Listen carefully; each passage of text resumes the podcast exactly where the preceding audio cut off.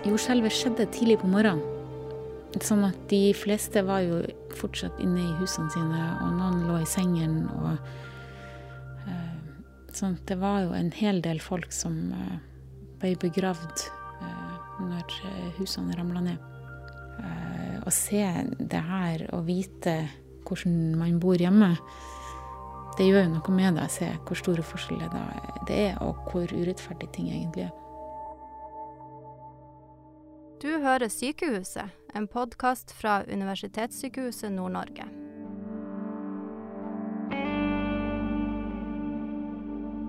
Vi fikk jo melding nå, det var jo midt i august, 17. august kom vi. Eh, og da står det bare at sier e-post i mulig til, altså for, forhåndsvarsel om mulig innsats i forbindelse med jordskjelvet på Haiti. Sånn at eh, og da var det sommerferie, og var på hytta og plukka blåbær og måtte snu om litt fort. Der.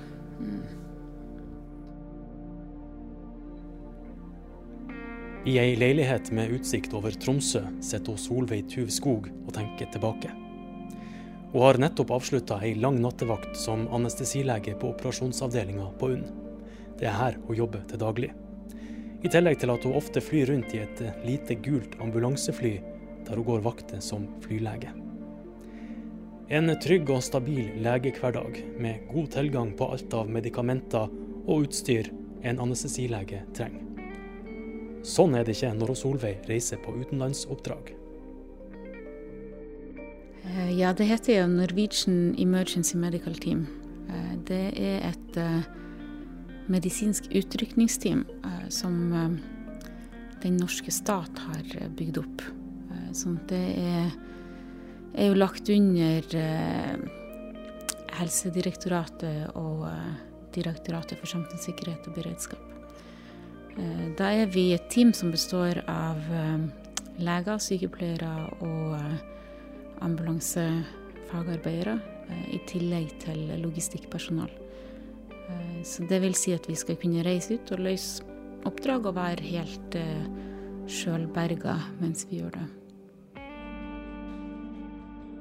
Og Solveig var på Samoa i Stillehavet og jobba under meslingepidemien der i 2019. Hun var i Italia og jobba på et sykehus i Bergamo da koronapandemien brøt ut for alvor i 2020. I Hellas var hun med og starta opp en ny klinikk etter brannen i Moria-leiren. Og så kom jordskjelvet i Haiti i august 2021. Developing right now, destruction and death in Haiti. A big earthquake rocked the island nation earlier today. The U.S. Geological Survey. Unntakstilstand i Haiti. Til nå har myndighetene bekreftet over 200 døde etter eh, people are jordskjelvet. dead after a major earthquake hit the island this morning. The quake's epicenter was far enough from the capital city of Puerto Eh, Vi hadde jo hørt at det hadde vært et jordskjelv på Haiti, eh, og at eh, eh, det var ganske store skader. At det var mange som eh, var skadd, og en del som var drept. Eh, Så det var jo det man hadde hørt i nyhetene, da. Eh, Bortsett fra det visste jeg ikke så veldig mye om Haiti. Når medlemmene i Norwegian Emergency Medical Team får varsel om at det er bedt om hjelp et eller annet sted i verden, har de kort tid til å svare. I løpet av noen få timer må Solveig finne ut om hun har mulighet til å dra. Det er klart at det er jo noen ting man har forberedt seg på når man har eh, sagt ja til å være med i det her teamet. Eh, da må man òg kunne egentlig legge til side alt du har eh, planlagt, og alle dine vanlige ting for et par måneder fremover i tid. Og da er det ganske mye som må ordnes, både når det gjelder å få pakka og klargjort, og klargjort med jobb, og få ja, sagt ifra og bestilt alt du egentlig har tenkt å gjøre. Få noen til orden med vannblomster og hente post, og alt må fikses. Eh, så må man jo òg tenke på om det her er noe man sjøl er villig til å være med på. Eh, for det er klart, man er jo med i det teamet, men, eh, men det er jo opp til meg hver gang om det her er noe jeg tenker at jeg kan være med på. Hva er det du vurderer da? Nei, det er flere ting. Det ene er jo situasjonen hjemme, og hva kan jeg fære ifra. Eh, og så er det jo eh, dit vi skal reise, og det vi skal gjøre. Eh, og sånn som nå med Haiti spesielt, så var det jo eh, også sikkerhetssituasjonen. Eh, det er klart at eh, Haiti er ikke et ferieland. Det er ikke en plass man reiser uten at du har en god grunn.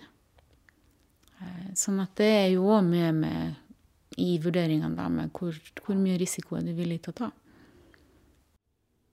Totalt er det rundt 80 personer med i Norwegian Emergency Medical Team. Av de her ble 29 plukka ut til å dra til Haiti. Blant dem hos Solveig og fire andre helsearbeidere fra UNN. Først møtes de på Østlandet for å bli satt inn i situasjonen i området de skal til. Oppdraget ble planlagt så godt som mulig, men hos Solveig og de andre får sjelden vite veldig mye før de må dra videre. Det viktigste er å komme seg raskt av gårde. Og bare noen dager etter at hun fikk tekstmeldinga hjemme i Tromsø, så satt hun Solveig på flyet på vei til Haiti. Opptaket du nå skal få høre, har hun sjøl lest inn på lydopptakeren på telefonen sin.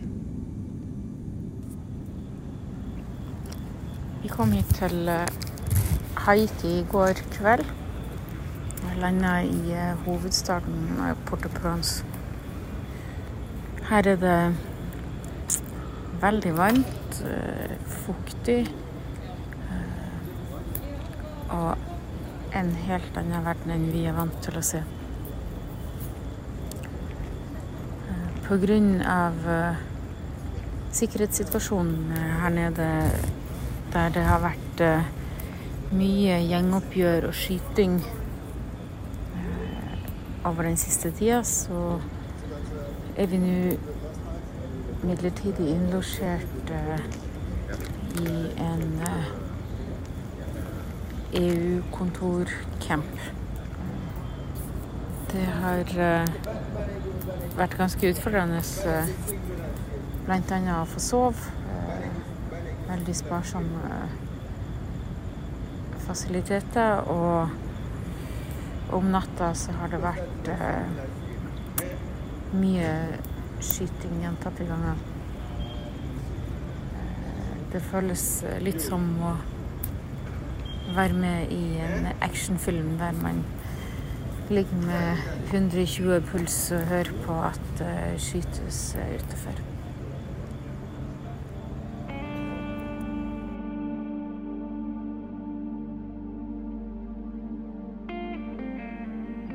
Haiti er et av de fattigste landene i verden. Landet er prega av politisk uro og korrupsjon, og kriminelle gjenger kjemper mot hverandre om makta. Strømnettet er dårlig utbygd, og dieseldrevne aggregat er ofte den eneste måten å få strøm. Etter jordskjelvet så var det stor mangel på diesel, noe som gjorde situasjonen ekstra spent. Den eneste veien ut fra hovedstaden sørover dit det norske teamet skulle, gikk gjennom et område som var kontrollert av gjengene. De hadde stengt veien, og Solveig og de andre måtte derfor flys med helikopter i flere vendinger og deretter kjøre videre med bil til landsbyen der de skulle etablere et feltsykehus. Lasille er en landsby som ligger mellom regnskog og fjell, ca. 15 mil vest for hovedstaden. Episenteret for skjelvet var like ved. På ei stor slette like ved landsbyen begynte teamet å sette opp feltsykehuset. Store telt, aggregat, vannrenseanlegg, medisinsk utstyr, mat totalt 90 tonn med utstyr flydd til Haiti i to store lastefly, for at de norske hjelperne skulle være selvforsynt i to måneder. Når vi drar, så drar vi som et team, og da må alt gjøres. Eh, det er jo forskjell på da at noen har hovedansvaret for enkelte ting, og eh, sånn de her som er logistikk, har jo ansvaret for måte, camp og byggcamp og logistikken rundt eh, utstyr. Eh, og vi på den medisinske delen har jo hovedansvaret for å behandle pasienter og drive klinikk. Eh, men det er klart, til klinikken er oppe og går, så er det alle sin jobb å få det opp og gå fortest mulig. Dere står ikke og ser på at de setter opp eh, teltene og Veldig lite stå og se på.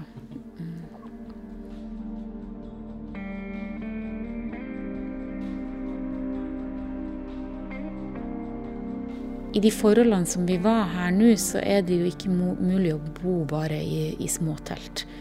Eh, for det er så varmt, eh, og det er så mye insekter, edderkopper og alt som du skal passe på at du ikke har i soveposen. Eh, og i tillegg så er det jo sikkerheten rundt det. Sånn at vi måtte sette opp litt større ting, større telt, og ha aircondition i teltene. Og ha kontroll på det du har på en måte på utsida. Og da er det en ganske stor jobb å sette opp denne campen. Um, så da setter vi opp ganske sånn store sovetelt der det er mange som ligger i hver sin uh, egentlig sånn liten bås uh, på innsida. Og vi satte opp eh, et kjøkkentelt og lagertelt. Eh, og i tillegg så setter vi opp eh, klinikken, og da satte vi opp to store telt til det. da, En voksenklinikk og en barneklinikk. Og så hadde vi to litt mindre telt som isolasjonstelter for de pasientene som hadde smittsomme sykdommer, som bl.a. covid. Etter to dager med rigging var det norske teamet klar til å ta imot pasienter, to uker etter jordskjelvet. Fortsatt var det folk som trengte hjelp med skadene de hadde fått, og mange trengte behandling for sykdommer. Det lokale sykehuset i landsbyen var totalskadd av skjelvet, og da ordet om det norske feltsykehuset spredde seg, kom folk langveisfra for å få hjelp til alt fra høyt blodtrykk, diabetes og hjertesvikt, til fødsler, barnesykdommer, tropesykdommer sjeldne hudlidelser og covid. Man må på en måte belage seg på å uh, gjøre det som kreves. Uh, og ta imot de pasientene som kommer. Uh, sånn at da tar vi jo imot alt fra akutte traumer som kommer inn der, og til også å vurdere å behandle hudsykdommer, barnesykdommer og ulike ting. Mm. Sånn at vi er jo et team av, av ulike leger og sykepleiere. Og, så vi tar jo imot pasientene, og så behandler de og ja, diskutere oss imellom og, og, på en måte ja, få bekreftelse for det man trenger hjelp til da, underveis. Mm. mm. Feltsykehuset ble drevet som en dagklinikk med rundt 100 pasienter innom hver dag. Men noen pasienter var så dårlige at det ofte var nødvendig med hjemmebesøk. Uten egen bil greide de ikke å komme seg til sykehuset sjøl. Det norske teamet hadde med seg feltambulanser som kunne ta seg fram på det dårlige veinettet i området. Og ute i felt fikk Solveig virkelig se hvor store skader jordskjelvet hadde lagd. Eh, i La Sille der, som var nesten attmed episenteret til uh, jordskjelvet, uh, så var det jo veldig mange hus som var ramla ned. Og de, de, bygger jo i betong, sånn at det er bare sand og småstein igjen. Og eiendelene deres er jo begravd under der. Og når man ser det her store haugene med egentlig bare betongklosser, så kan man jo godt forestille seg at de ble skadd når det ramla ned. Jordskjelvet skjedde tidlig på morgenen. Sånn at de fleste var jo fortsatt inne i husene sine, og noen lå i sengen. og uh, Sånn det var jo en hel del folk som uh, ble begravd uh, når husene ramla ned. Og, og det å komme dit og, og, og, gå på besøk til folk som møter med åpne armer, eh, og se det her og vite hvordan man bor hjemme, det er klart at det gjør noe. Eh, det gjør jo noe med deg å se hvor store forskjeller det er, og hvor urettferdig ting egentlig er.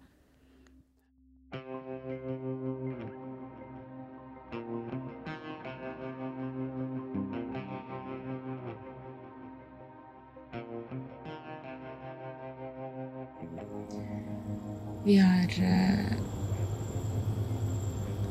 vært eh, annet hos eh, en litt eldre mann som eh,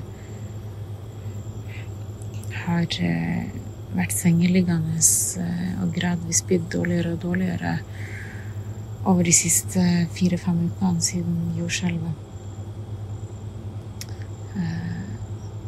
Han mista alt han eide under jordskjelvet og ble sjøl skada og har egentlig aldri kommet seg på beina etter det. Eh, Når vi kommer opp på besøk til ham, så bor han i et lite skur på tre-fire kvadrat med jordgulv. Eh, Og eh, vi går inn dit i lag med en av eh, hans pårørende. Relativt fort etter at vi kommer inn dit, eh, blir det klart for oss at han er blitt eh, enda dårligere. Han har ikke vært eh, bevisst over de siste dagene og har ikke klart å følge opp den behandlinga han har fått. Han eh, ligger på en madrass på gulvet og hvor han er bevisstløs om uregelmessig respirasjon.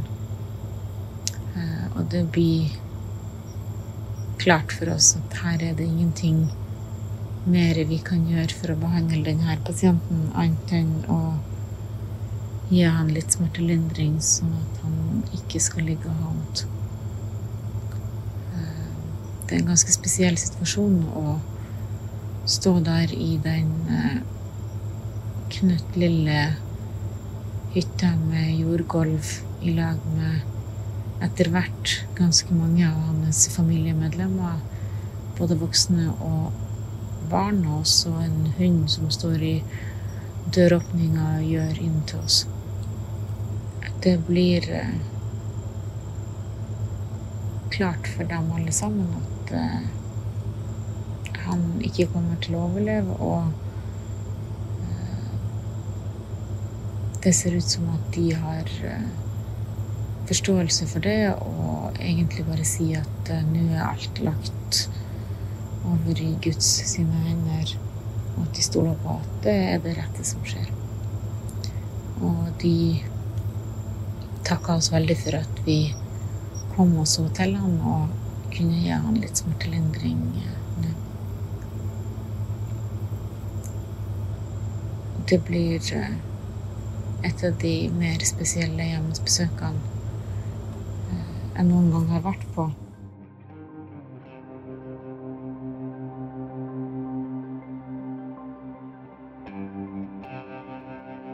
Det er jo vanskelige situasjoner. Og det er, jo, det er jo veldig vanskelig å stå i de situasjonene der du eh, Der du egentlig skjønner at eh, her og nå så er det håpløst. Du, du kommer ikke videre. Eh, Og det er klart man vet at det finnes andre muligheter. Men i det landet du er, og den situasjonen du er i, så, så finnes det ingen annen mulighet. Og det er jo litt det du det, det er vel det man lander litt på, da. Det at eh, jeg har gjort det jeg kan. Det, jeg har ingen annen mulighet til å gjøre noe annet her og nå. Eh, og da, man, da blir man jo nødt til å stå i det, da. Selv om at det kan føles eh, fryktelig tøft innimellom. Men alternativet til at du ikke hadde vært der, ville jo kanskje vært at de her pasientene ikke hadde fått noe hjelp. Så Det kan hende.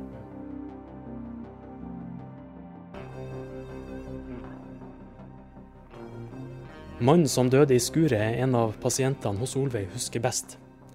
Men en liten, tapper gutt som ikke kunne gå, gjorde også sterkt inntrykk. Eh, Han kom egentlig pga. en ørebetennelse. Eh, Men når han først var der, så kom det jo frem at han hadde ganske store trykksår eh, på rumpa. Og, hadde jo han, han, lå jo på bakken, og, eller satt, hele tida. Hadde aldri gjort noe annet. Um, sånn at han ble òg en sånn gjenganger som vi henta og fikk uh, begynt å behandle de trykksårene, som jo ble bedre over tid. Uh, og vi, uh, vi, klarte å få lært opp tanta hans til å ta seg av de sårene, sånn at hun kunne fortsette med det hjemme. Så uh, meldte de her logistikkguttene vi hadde med oss, at de kunne prøve å bygge en rullestol til ham. Så begynte de å samle i hop uh, rødrenner og alt som, som, fantes rundt omkring. Uh, og en kjørte ut på et marked og lette etter om han kunne finne noe gammel sykkelhjul eller noe fra til hjul. Så de bygde en rullestol. Til denne gutten. Eh, som, eh, som, ble veldig bra. Eh, og på slutten av før vi, før vi, dro hjem, så kjørte vi på hjemmebesøk til han karen. Og overleverte den rullestolen til han. Så han var vel en ni-ti år, noe sånt. Eh, som han har alltid bare lå på bakken. Mm. Eh, skulle han noen plass, så måtte de bære han. Eh, sånn at han har blitt båret rundt og ligget på bakken hele sitt liv. Og det å At han nå kunne sitte i en stol og klare å komme seg rundt Han catcha det der med hvordan han skulle kjøre det med en gang. Mm. Så han begynte jo rundt her og trille rundt, og, og han smilte som ei sol. Uh, han endelig var kommet litt opp i høyde uh, og kunne egentlig se folk i øynene i stedet for å ligge på bakken.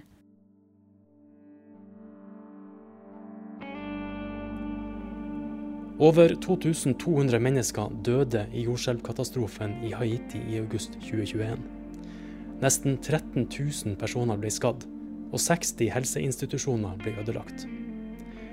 Fra slutten av august til slutten av oktober gjennomførte det norske teamet i LaSalle 2637 pasientbehandlinger og 180 ambulanseoppdrag. Står utenfor flyplassen i Le Cais for å reise tilbake til eh, Port-au-Prince. To måneder etter at de ankom Haiti, satte det norske teamet kursen hjemover. Noe av det siste de gjorde før de dro hjem, var å donere aggregater til sykehuset og skolen i landsbyen. Rundt hovedstaden var stemninga nå enda mer aggressiv, med opprør og demonstrasjoner. Og det tok flere dager å få hele teamet fram til flyplassen.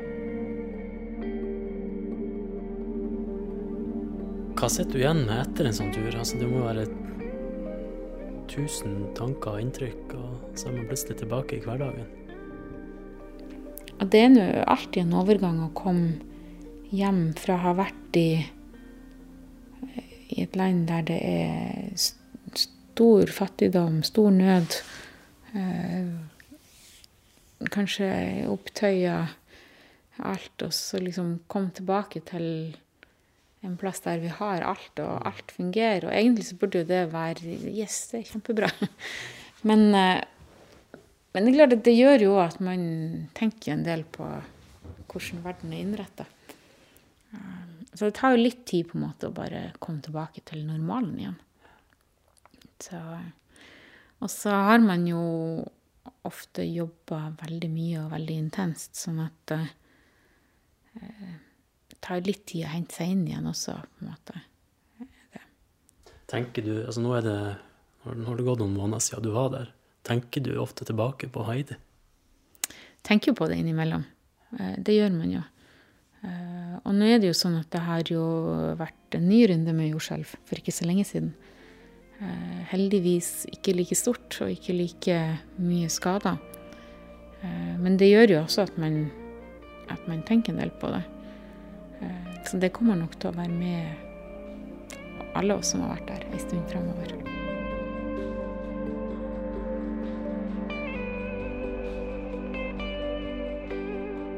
Du har hørt Sykehuset, en podkast produsert av kommunikasjonsavdelinga ved Universitetssykehuset Nord-Norge.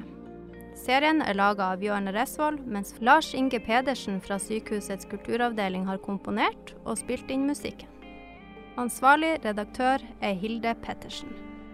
Har du tilbakemeldinger eller tips om andre historier vi kan fortelle, ta gjerne kontakt via e-post kommunikasjon krøllalfa unn.no.